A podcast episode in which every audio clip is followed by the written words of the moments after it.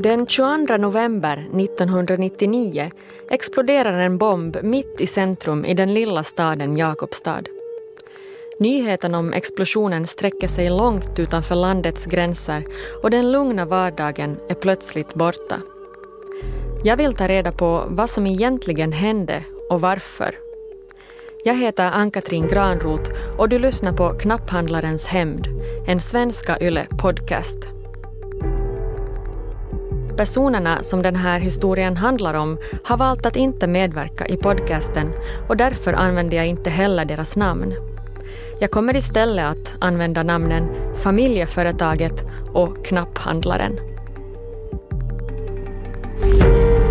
Att man följer noga med och man funderar vad är det som händer i Augusta? Liksom, det var nästan så att det var nyheter som man aldrig hade, lokala nyheter som man aldrig hade hört om förr.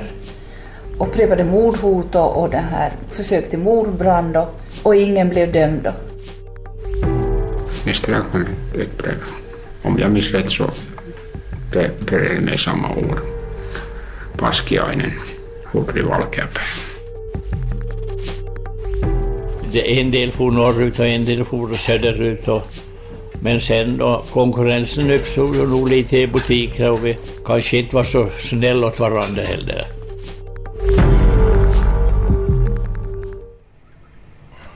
Vi funderar ganska mycket om det, själva undersökningen, att har vi, gjort, har vi gjort precis allt och har vi gjort rätt och det här, vad har vi glömt och vad måste vi fundera ännu? och, och har, vi, har vi faktiskt glömt någonting? Hur är det möjligt att det händer i Jakobstad det här? Så det funderade vi ganska länge innan det kom fram att det här kanske det här själva orsak och, och, och att det är samband med det här andra juttorna. Så säger Jakobstadspolisen Matti Ranta. Jakobstad är en liten och lugn kuststad i Österbotten som väl mest är känd för Jakobsdagar, kebab och det så kallade gaturallyt som uppstår varje helg. Då samlas unga från stan och närliggande orter för att köra omkring i centrum. Man kanske stannar till vid torget, ehm, kör sen ner längs Rådhusgatan svänger höger vid Ottomalmsgatan, sen höger igen vid Styrmansgatan och sen längs med Storgatan upp till torget igen. Men i slutet av november kanske folk kör extra långsamt just på Storgatan för det är ju där som bomben exploderat bara några dagar tidigare. Det är där som bombmannen själv mist livet men otroligt nog ingen annan än honom. Spåren är fortfarande tydliga och man kan se söndriga fönster överallt och precis där explosionen skett är husfasaden ordentligt skadad. Explosionen sysselsätter polisen i flera veckor efteråt. Klockan slog tio och det är dags för morgonens nyhetsöversikt från Aktuellt med Mikael Schulman i studion. Vi börjar i Jakobstad. Där utreder man gårdagens explosion på Storgatan. Gatan är fortfarande avspärrad och bara de som ska till sina arbetsplatser släpps igenom. Vi har nu kontakt med Patrik Enlund från Radio Vega Österbotten. Vad är det senaste som du kan berätta? Ja, precis som du sa, Storgatan är fortfarande avspärrad här på bägge sidor av avspärrningarna är det polisbilar och ingen släpps in förutom de då som ska till jobbet. Och här på bägge sidor av avspärrningarna har det samlats en hel del människor i små grupper. Man står och diskuterar gårdagens explosion. Och, och stämningen i stan verkar nog på det hela taget rätt upprörd. Man undrar ju förstås vad har skett och många står här och spekulerar och funderar. Och kriminalpolisen de har jobbat hela natten ända till fyra i morse med att eh, samla spår och det här arbetet det har börjat igen. Och klockan ett idag så har polisen en pressinformation där man då ska berätta vad man har kommit fram till, vad är orsaken till gårdagens explosion. Centralkriminalpolisen kopplas också in och kriminalkommissarien Esa Uusikakkuri tar sig an fallet. Bombmannen har sitt pass i fickan och därför får polisen snabbt reda på hans identitet. När Esa får höra mannens namn och att han är hemma från södra Finland blir han påmind om två gamla mordbränder i början av 90-talet som han aldrig lyckades lösa. Mordbränderna anlades då i familjeföretagets industrihall och om Esa kommer rätt ihåg hade de kontor på Storgatan, mitt i Jakobstad. Det visar sig att Esas minne stämmer och den tekniska undersökningen får fram att bomben exploderat ungefär 50 meter från familjeföretagets kontor. Vi kan alltså inte alls gå in här nu? Nej, de håller på med det här, sista, det här. Det här. Ja. Vet ni ungefär när man kan tänkas få börja röra sig fritt här igen? Senare idag, inte på förmiddagen Nej. Ja, klockan börjar nu närma sig middagstid och äh, ännu är Storgatan här i Jakobstad avstängd. Polisen släpper inte in någon, det är till och med förbjudet att gå in i affärerna här. Kai Öström, den här explosionen igår, så den eh, detonerade alldeles utanför din affär kan man säga. Ja, det stämmer. Det är ju klart att man funderar hit och dit och efter en lite dålig natt så är det ju sådär så att man, man får ju vänta och se på utredningarna. Vet du när du får gå tillbaka till din affär? No, jag fick redan nio uppgifter om att jag skulle få gå efter en halvtimme men nu har det gått snart en och en halv så att det tycks dröja. Strax efter explosionen ligger det en bilnyckel till en BMW mitt på gatan. Men bilen är spårlöst försvunnen. Det viktigaste beviset, det som ska koppla bombmannen till två andra brott, ligger ändå riktigt nära. Polisen hittade i mannens rockficka och det är ett brev som börjar med orden Paskiainen hurri valkeapää. Kriminalkommissarien Esa Uusikakkuri tycker sig ha sett de här orden förut och ifall det är så är det tre ord som skrämt upp familjeföretaget och hållit dem i sitt grepp i nio år. För att ta reda på ifall det verkligen är bombmannen som skrivit breven åker han genast ner till bombmannens hemstad i södra Finland. Men för att förstå vad det här egentligen handlar om måste vi gå tillbaka till 90-talets början. Familjeföretaget äger ett företag som säljer sytillbehör som till exempel knappar, band och dragkedjor och de klarar sig bra i branschen. De driver en affär i centrum av Jakobstad och sin partihandel sköter de från en stor industrihall några kilometer utanför staden. Men i oktober 1990 och i januari 1991 försöker någon sätta eld på hallen.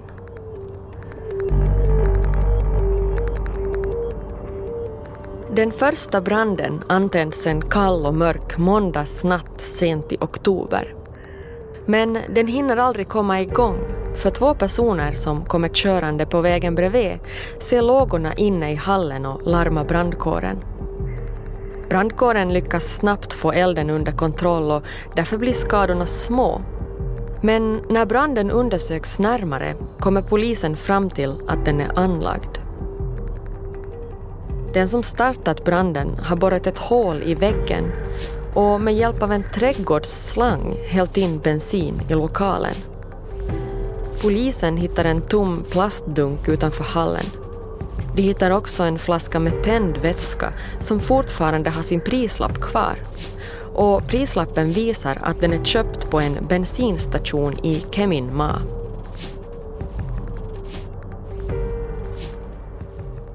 Vid just den här tiden har en misstänkt pyroman försökt bränna ner en skola och en kyrka i staden. Så först tror polisen att den här branden hör ihop med de andra två. Men de får snabbt tänka om för dagen efter branden får familjeföretaget ett brev som är adresserat till företagets grundare. Det består av två maskinskrivna av fyra sidor och innehållet gör dem chockade. Det är skrivet på dålig finska men vi översätter det här till svenska. Paskiainen. Jag är en före detta kund som gjorde misstaget att köpa saker av dig. Du var ofta på dåligt humör och obehaglig. Men det värsta var kravbreven. Jag har fått många kravbrev, men inga så jävliga som dina. Förr bestämde du, men nu ändrar takten. Läs noga, för det här är viktigt för din och din barns framtid. Du gjorde ett misstag som byggde hallen så nära en stor allmän väg. Det går att förstöra hallen från vägen utan att ens komma in på tomten. Om du bygger upp hallen igen eller om du fortsätter din affärsverksamhet så kommer jag först döda din son eller någon av hans familjemedlemmar och sedan är det din tur. Det är ett hotbrev med en anonym avsändare. Men budskapet är klart. Sluta upp med er verksamhet om ni vill leva. Polisen kopplas in och de försöker hitta gärningsmannen med hjälp av plastdunken, men de lyckas inte. Under tiden fortsätter familjeföretaget med sin verksamhet som vanligt. Men några månader senare så händer det igen.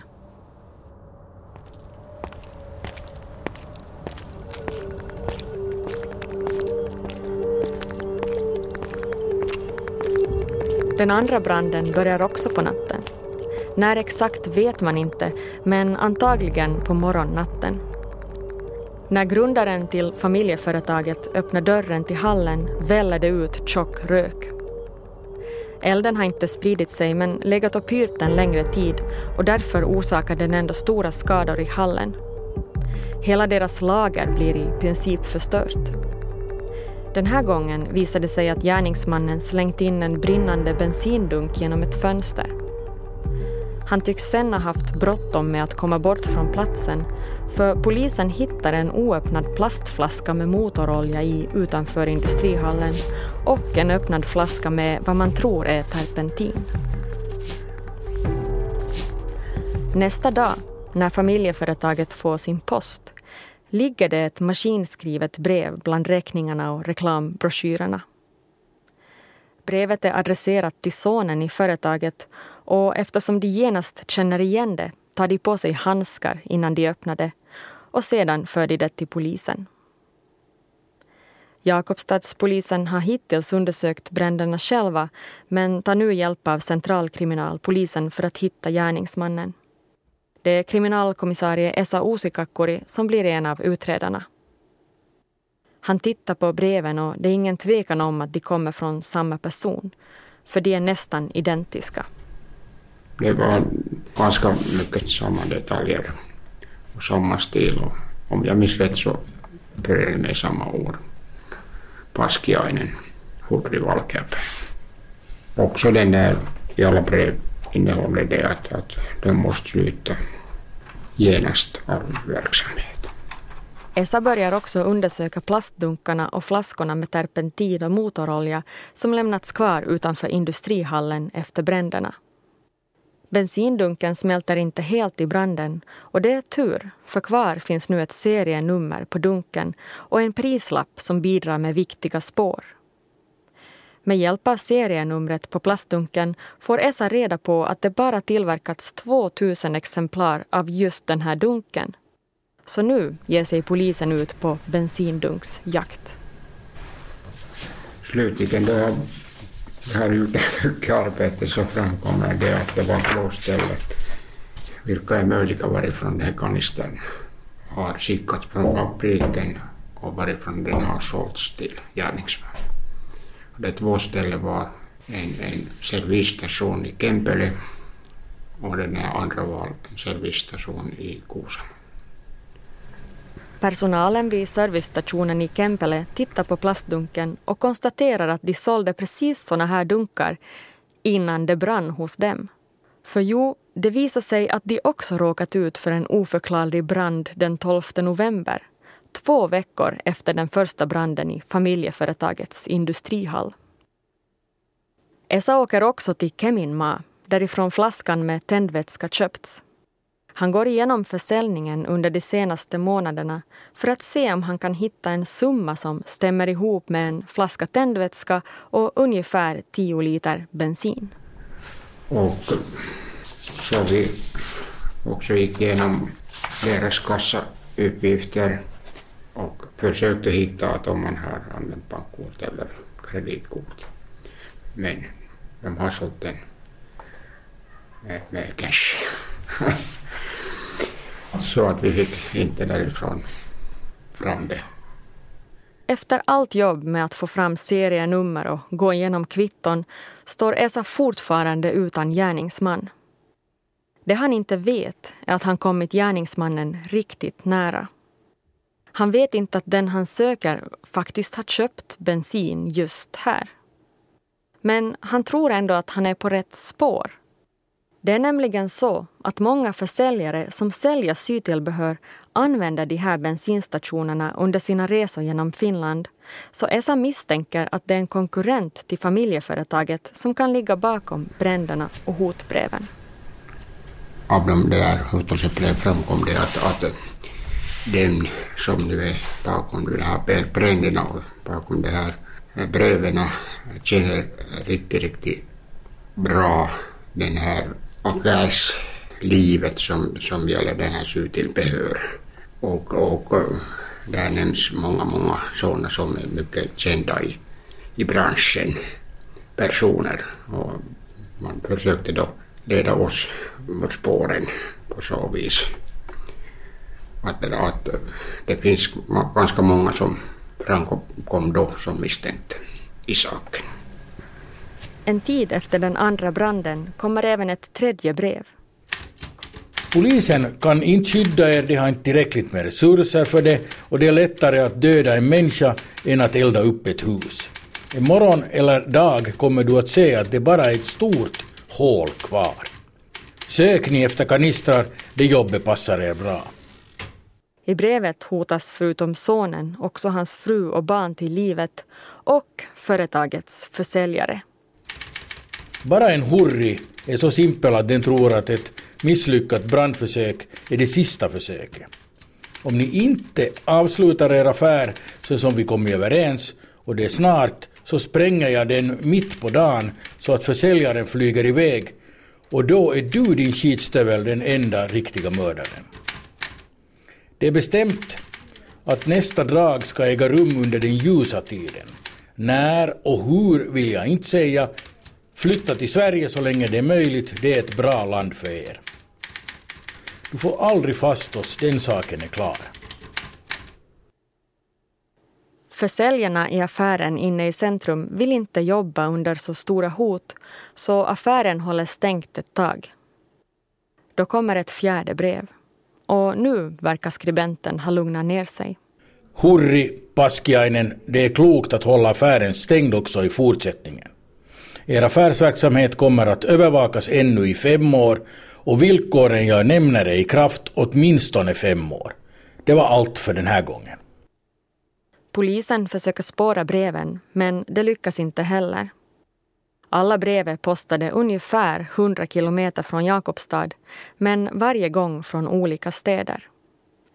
När polisen inte får fram några svar bestämmer sig familjeföretaget för att flytta sitt lager till centrum av Jakobstad. Polisen håller familjen under uppsikt samtidigt som Esa jagar plastdunkar och går igenom gamla kvitton.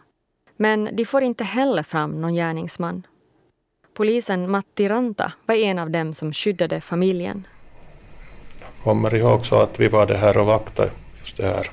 Ganska många nätter var vi och vaktade det här eh, vissa ställen. För vi tänkte att det här faktiskt att det hände någonting nu igen och det här att vi, vi är på plats och det här.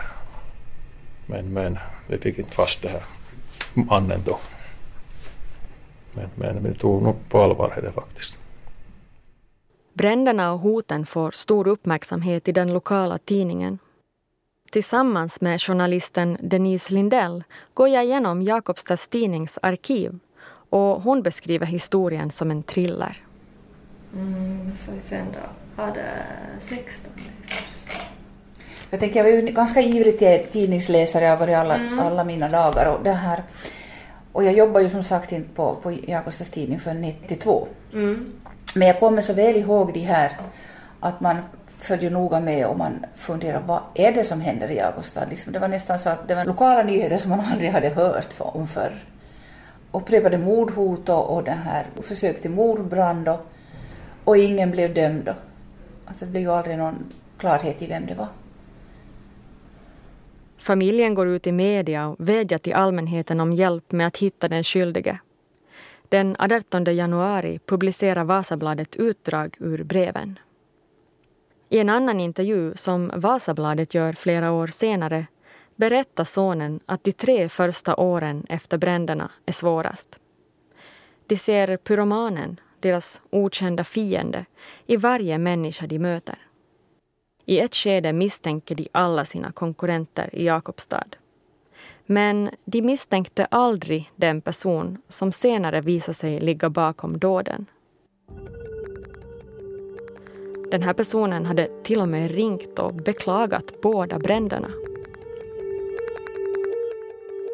En psykolog och en psykiater kallas in med uppdrag att få fram en karaktärsbeskrivning av gärningsmannen. I breven utger sig skribenten för att vara kvinna men psykologen slår fast att det sannolikt handlar om en man.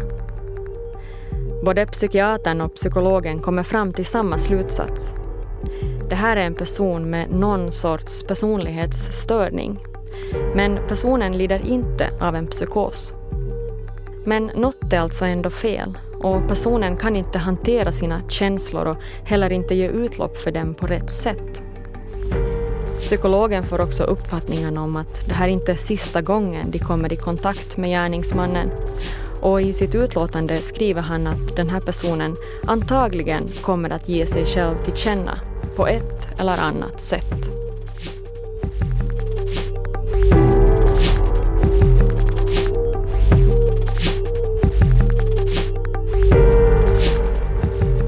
Breven ger ändå inte tillräckligt med ledtrådar. Alla är skrivna med en ganska ny elektronisk skrivmaskin och de är skrivna på finska. Men polisen upptäcker ändå ganska snabbt att satsuppbyggnaden tyder på en svenskspråkig skribent. Skribenten hänvisar många gånger till andra sytillbehörsföretag och använder smeknamn som gör att familjeföretaget och kriminalkommissarie Esa Uusikakkuri genast förstår att det här är någon som kan branschen. Någon som befinner sig i den just nu. Därför börjar centralkriminalpolisen förhöra både sådana som jobbar för familjeföretaget eller har jobbat för dem och deras konkurrenter. De var asiallisia, De förstod förstås att, att vi har vårt jobb och vi måste ställa frågor och det där undersöka saken. Och alla de kände förstås den här företagaren i Augusta som var, var målsägande.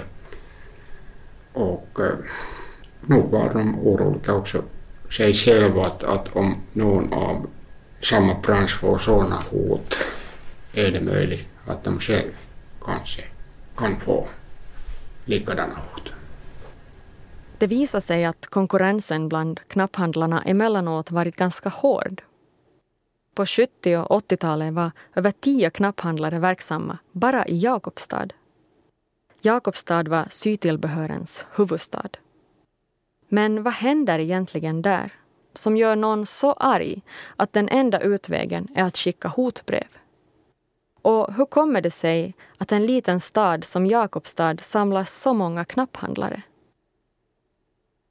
Jag måste gå tillbaka till början.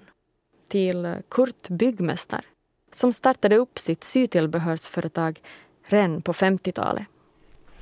Det började delvis för att det var en släkting till mig som köpte i Amerika från ett knappfabrik Restlaget och det upphörde. Det var ungefär en bil alltså. En del av det här.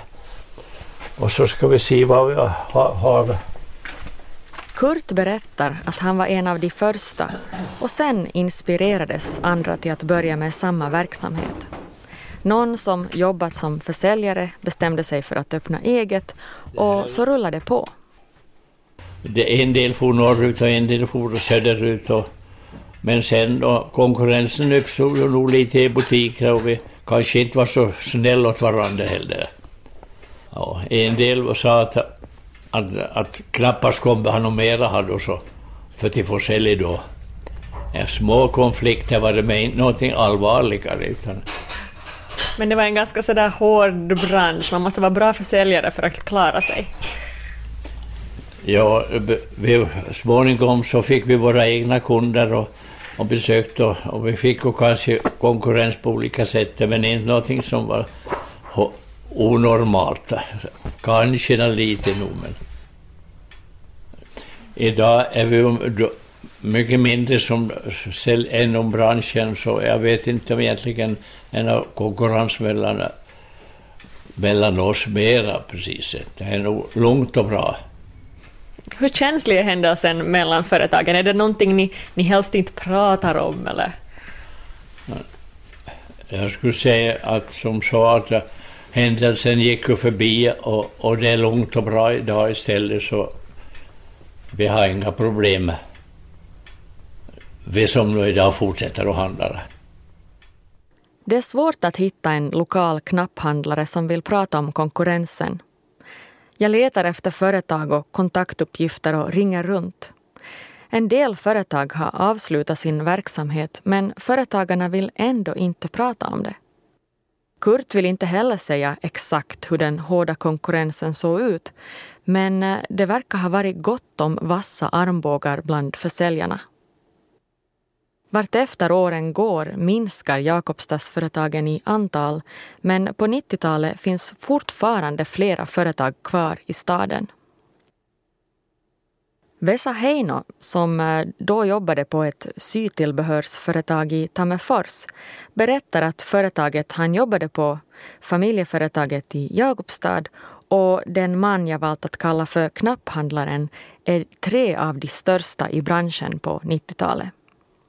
Että kyllähän se oli aika pienen piirin toimintaa siinä mielessä, että kaikki tunsi toisensa ja tiesi kilpailijat ja sillä tuttua se kaikki.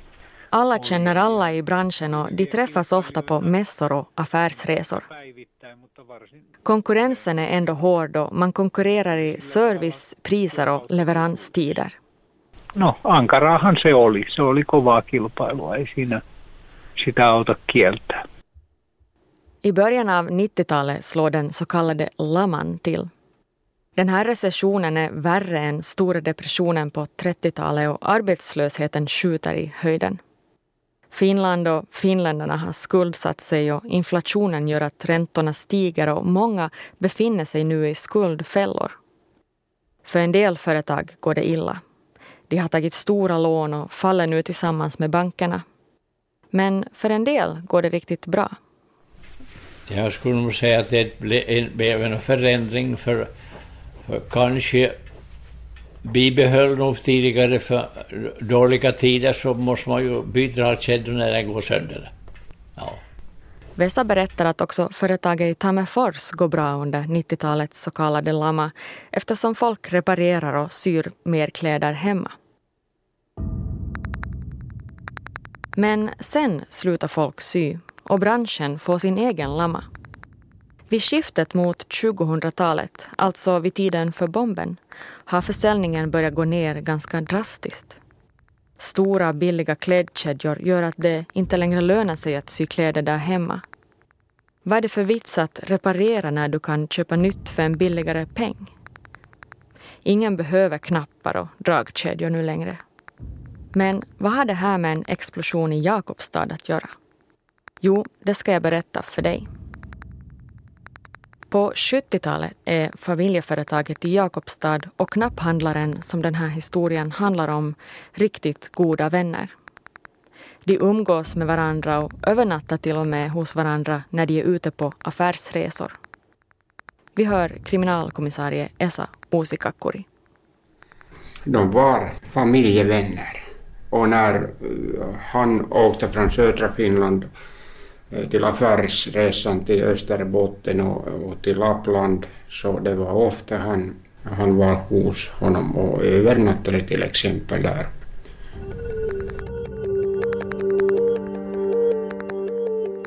Men i slutet av 70-talet händer en sak som ska komma att påverka deras relation.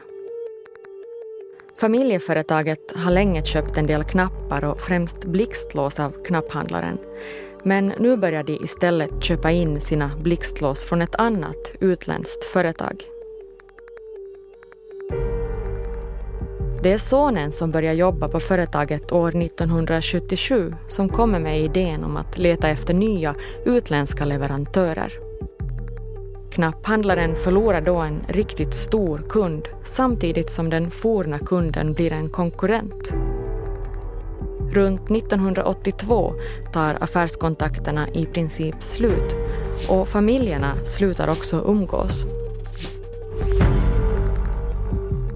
Knapphandlaren får nu en del problem med lönsamheten Och kanske är det så att han skyller allt på familjeföretaget i Jakobstad.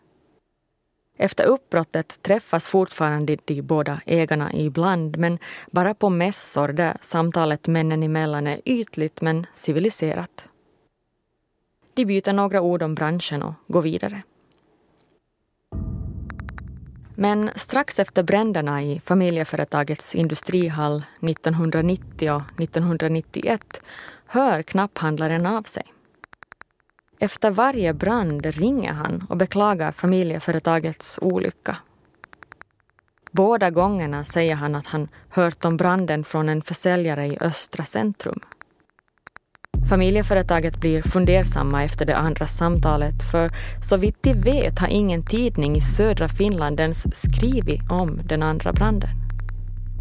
De börjar fundera vem den där försäljaren i Östra centrum egentligen är och hur kan den här personen veta så mycket? Det kommer ändå inte fram något som pekar på en viss konkurrent när polisen undersöker bränderna, men visst beter sig många lite konstigt. Jag går igenom gamla förhör och det visar sig att en del konkurrenter genast ringt till familjeföretagets försäljare för att erbjuda dem jobb när de fått höra om branden. En del har också gått in i affärer och försökt sälja sina varor med motiveringen att familjeföretaget ändå snart ska sluta. En av dem var riktigt skadeglad, säger en kvinna som förhördes av polisen. Det händer också andra konstiga saker under utredningen. Det brinner som sagt i en bensinstation i Kempele och så utsätts företaget som Vesa Heino jobbar på i Tammerfors för inbrottsförsök. Tjuven kommer inte in i deras hall men lyckas bryta sig in i en bil. Det enda som försvinner är företagets varuprover. Pengar, radio och andra värdesaker lämnas kvar. Polisen pratar med familjeföretagets kunder och konkurrenter, också knapphandlaren. Men de hittar ingen som är skyldig till mordbränderna och hotbreven. Essa jobbar med fallet i fyra år innan det slutligen läggs åt sidan. Gärningsmannen tycks ha gett upp sin plan på att förstöra familjeföretaget, för inget har hänt sedan det fjärde och sista brevet som kom 1991. Kanske var det så att Esa kom för nära. Det var en affärstvist inom sybehörshandeln som låg bakom måndagens explosion i Jakobstad. Vi får veta mer om vad som låg bakom explosionen i Jakobstad i måndags. Enligt Jakobstads tidning idag är polisen nu säker på att det var fråga om en planerad hämndaktion där gärningsmannen dog. Och han hade tidigare gjort affärer med den man han nu hade tänkt utsätta för sprängattentatet. Vi åker framåt i tiden, till 1999. När Essa får reda på bombmannens identitet åker han genast iväg till mannens hemstad i södra Finland. Bombmannen är, som du säkert förstått, en av konkurrenterna som centralkriminalpolisen pratade med på 90-talet. Han är familjeföretagets gamla goda vän, knapphandlaren. Esa ska göra en husrannsakan i knapphandlarens fabrikshall men först måste han träffa familjen och berätta den hemska nyheten för dem. Det var mycket överraskande för, för dem trodde att han var riktigt på affärsresan utomlands. Och när det var just den där dagen då explosionen hände så har han kontaktat med textmeddelande sitt fru och det där han berättade att han är här framför någon beklädningsaffär och att vad var den i storlek av dotternötterns att han, han köper en viss, härifrån. De, de kunde inte ens ana att, att då han har sänt den där textförmedlande så, så den där var han i Karleby den där tiden. Under husrannsakan hittar polisen en skrivmaskin som de kan koppla ihop med brevet till rockfickan. De hittar också färgband med inpräntade övningsversioner av hotbreven. När familjeföretaget får reda på att det är knapphandlaren som är bombmannen blir de chockade. Och så till Jakobstad där det nu har framkommit att den bomb som detonerade där på måndagen var riktad mot en sybehörsaffär. Firmans chef kommenterar dådet så här. Han var en affärsbekant. Vi har varit kunder hos hans firma då i, i mitten på 70-talet. Och det slutade väl i, i slutet på 70, kanske 1980, då när vi liksom mera började agera som konkurrent. Så under de här senaste åren har vi varit likvärdiga konkurrenter på finska marknaden. Och det här tycks då vara orsaken till det hat som har drivit honom? Ja, jag kan ju inte förstå att det är, det är något hat för att det här är ju sunda affärsprinciper vi har. Det är ju konkurrens inom alla områden. Det måste ju vara någonting i, i, i människans psyke som har gått snett. För så här gör man ju inte. Har ni haft några uppgörelser då på det personliga planet med honom tidigare? Nej, det har vi inte haft, för vi har inte haft några oklarheter. Och tidigare var ni då till och med vänner? Till och med vänner, ja. Och vi har nog alltså avslutat de här affärsförbindelserna då i tiderna helt i godo. Så att den här mannen måste ha varit sjuk. Hur mår ni här idag? Vi mår dåligt. Och strax i morse så hade vi ett krismöte. Livet går vidare? Livet går vidare och det, det, det, det måste vi. Det är klart det kommer att ta sin tid innan vi kan liksom ha tankarna klara och, och, och jobba normalt igen. Vid tiden för bomben är det sonen i familjen som till största del driver affärsverksamheten och under en tioårsperiod träffar sonen knapphandlaren bara en gång på en mässa i Frankfurt där de byter några ord. Men det är den enda kontakten de har. Ända fram tills en kväll i början av oktober när telefonen ringer sent en fredag kväll. Det här får jag reda på genom ett av de polisförhör som gjordes efter bombdådet. Det är knapphandlaren i andra änden av luren. De pratar i närmare en och en halv timme utan att sonen egentligen förstår vad det handlar om. Men en sak får han i alla fall på klart. Och det är att knapphandlaren vill ordna ett möte tillsammans med företaget som Vesa Heino jobbar för i Tammerfors. Knapphandlaren ringer flera samtal till sonen innan mötet och i ett skede ber han om ursäkt för att han ringer så ofta och så sent. Han förklarar sig med att han har behov av att prata med någon när han sitter ensam på kontoret. Mötet hålls i Tammerfors i oktober, ungefär en månad före bomben exploderar i Jakobstad. Och jag undrar såklart om det är något som händer här som kan förklara allt. Men det verkar inte vara så. Jos nyt oikein muistan, niin se oli hyvin tämmöistä löysän yhteistyösopimuksen solmimista, että siinä nyt ei ollut mistään kimppaan menosta kysymys, vaan jonkinnäköisistä linjojen luomisesta, mutta ei se lähtenyt sitten kuitenkaan toteutumaan. Vesa Heino är med på mötet och berättar för mig att de egentligen inte kommer fram till något alls. Tanken är att bilda någon slags enad front mot större företag med mer resurser. Knapphandlaren har för sig att det som tre jämnstora familjeföretag kunde göra något ihop. Efter mötet fortsätter ändå jobbet helt som förr så mötet bidrar inte till några förändringar. Vesa kommer heller inte ihåg att knapphandlaren skulle betett sig konstigt. För polisen berättar sonen i familjeföretaget att ett av samtalsämnena är dåliga kunder och knapphandlaren nämner en kund i Kempele. Sonen fäste sig senare vid den här informationen eftersom de plastdunkar som användes vid mordbrandsförsöken hade köpts i Kempele. Knapphandlaren tar också upp ett ämne som det faktiskt stått en del om i hotbreven. Det handlar om kunder som klagar över brev de får av leverantörerna. Det här är också en sak som sonen tänker på först efteråt. Just då misstänker han ingenting alls. Allt det här är sånt som ska komma upp först senare när polisen visar honom brevet de hittat i rockfickan och berättar vem personen bakom bomben egentligen är.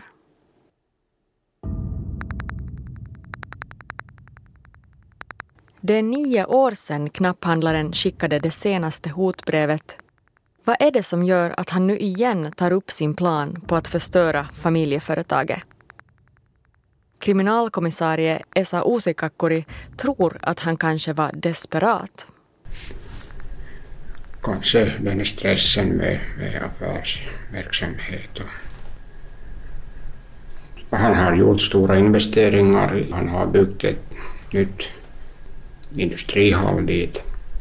Och, och det nämligen brände hos honom också i, någon gång i 80-talet.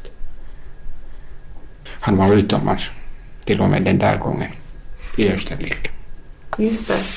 Lokalpolisen hade undersökt den där branden som mordbrand. De fick inte, kunde inte klarlägga den där brottet heller. Okej, okay, men, men det var ett brott? Alltså, det var ett brott, jo, det var ett brott. Funderar ni någon gång kring vem som kan ha gjort det?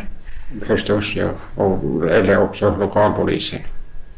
Det är samma så att det var testat. Misstänkte ni att det var han själv som skulle ha gjort no, det? Det, det är enda tanken man kan komma till. Att det var han själv den där gången. Och det var till och med en, en vittne som hade varit i postlådan någon gång klockan fem-tiden tidigt på morgonen. Och han har sett hur en mansperson kommer från den industribyggnaden, den gamla industribyggnaden mot huvudvägen. Han har sagt, han har, det har skrivits till förhörsberättelse att ja, jag trodde att det var som kom där. Det verkar som honom när man tittar längre bort. Mä huikkasin sille tuota niin hyvät huomenetkin siinä, men han gick bara. Han hörde att.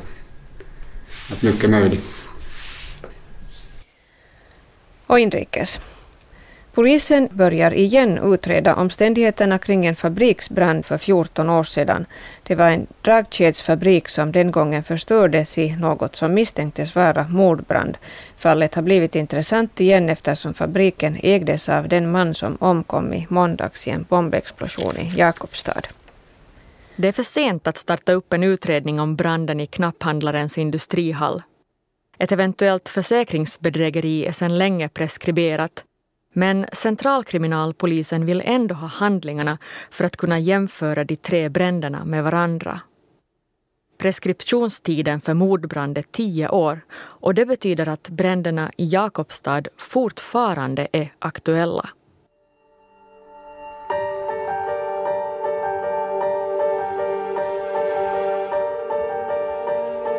Tack vare breven vet polisen att det med stor sannolikhet är knapphandlaren som ligger bakom mordbränderna och hotbreven. Men fastän det är sannolikt kan Essa ändå inte vara 100% säker eftersom mannen i fråga inte längre lever. Det ska ändå dyka upp ett till litet bevis som gör sannolikheten ännu större och som kommer till hjälp när fallet senare tas upp i rätten. Och kommer du ihåg bilnycklarna jag nämnde i början av det här avsnittet? Bilen är fortfarande försvunnen. Men med hjälp av knapphandlarens familj kommer polisen att hitta den och få svar på en hel del frågor. Bland annat hur han egentligen tog sig till Jakobstad. För nej, han åker inte dit direkt. Han tar en lång omväg ut i Europa för att bygga upp ett perfekt alibi. Men det, det hör till nästa avsnitt av Knapphandlarens hämnd, som är en Svenska Yle podcast.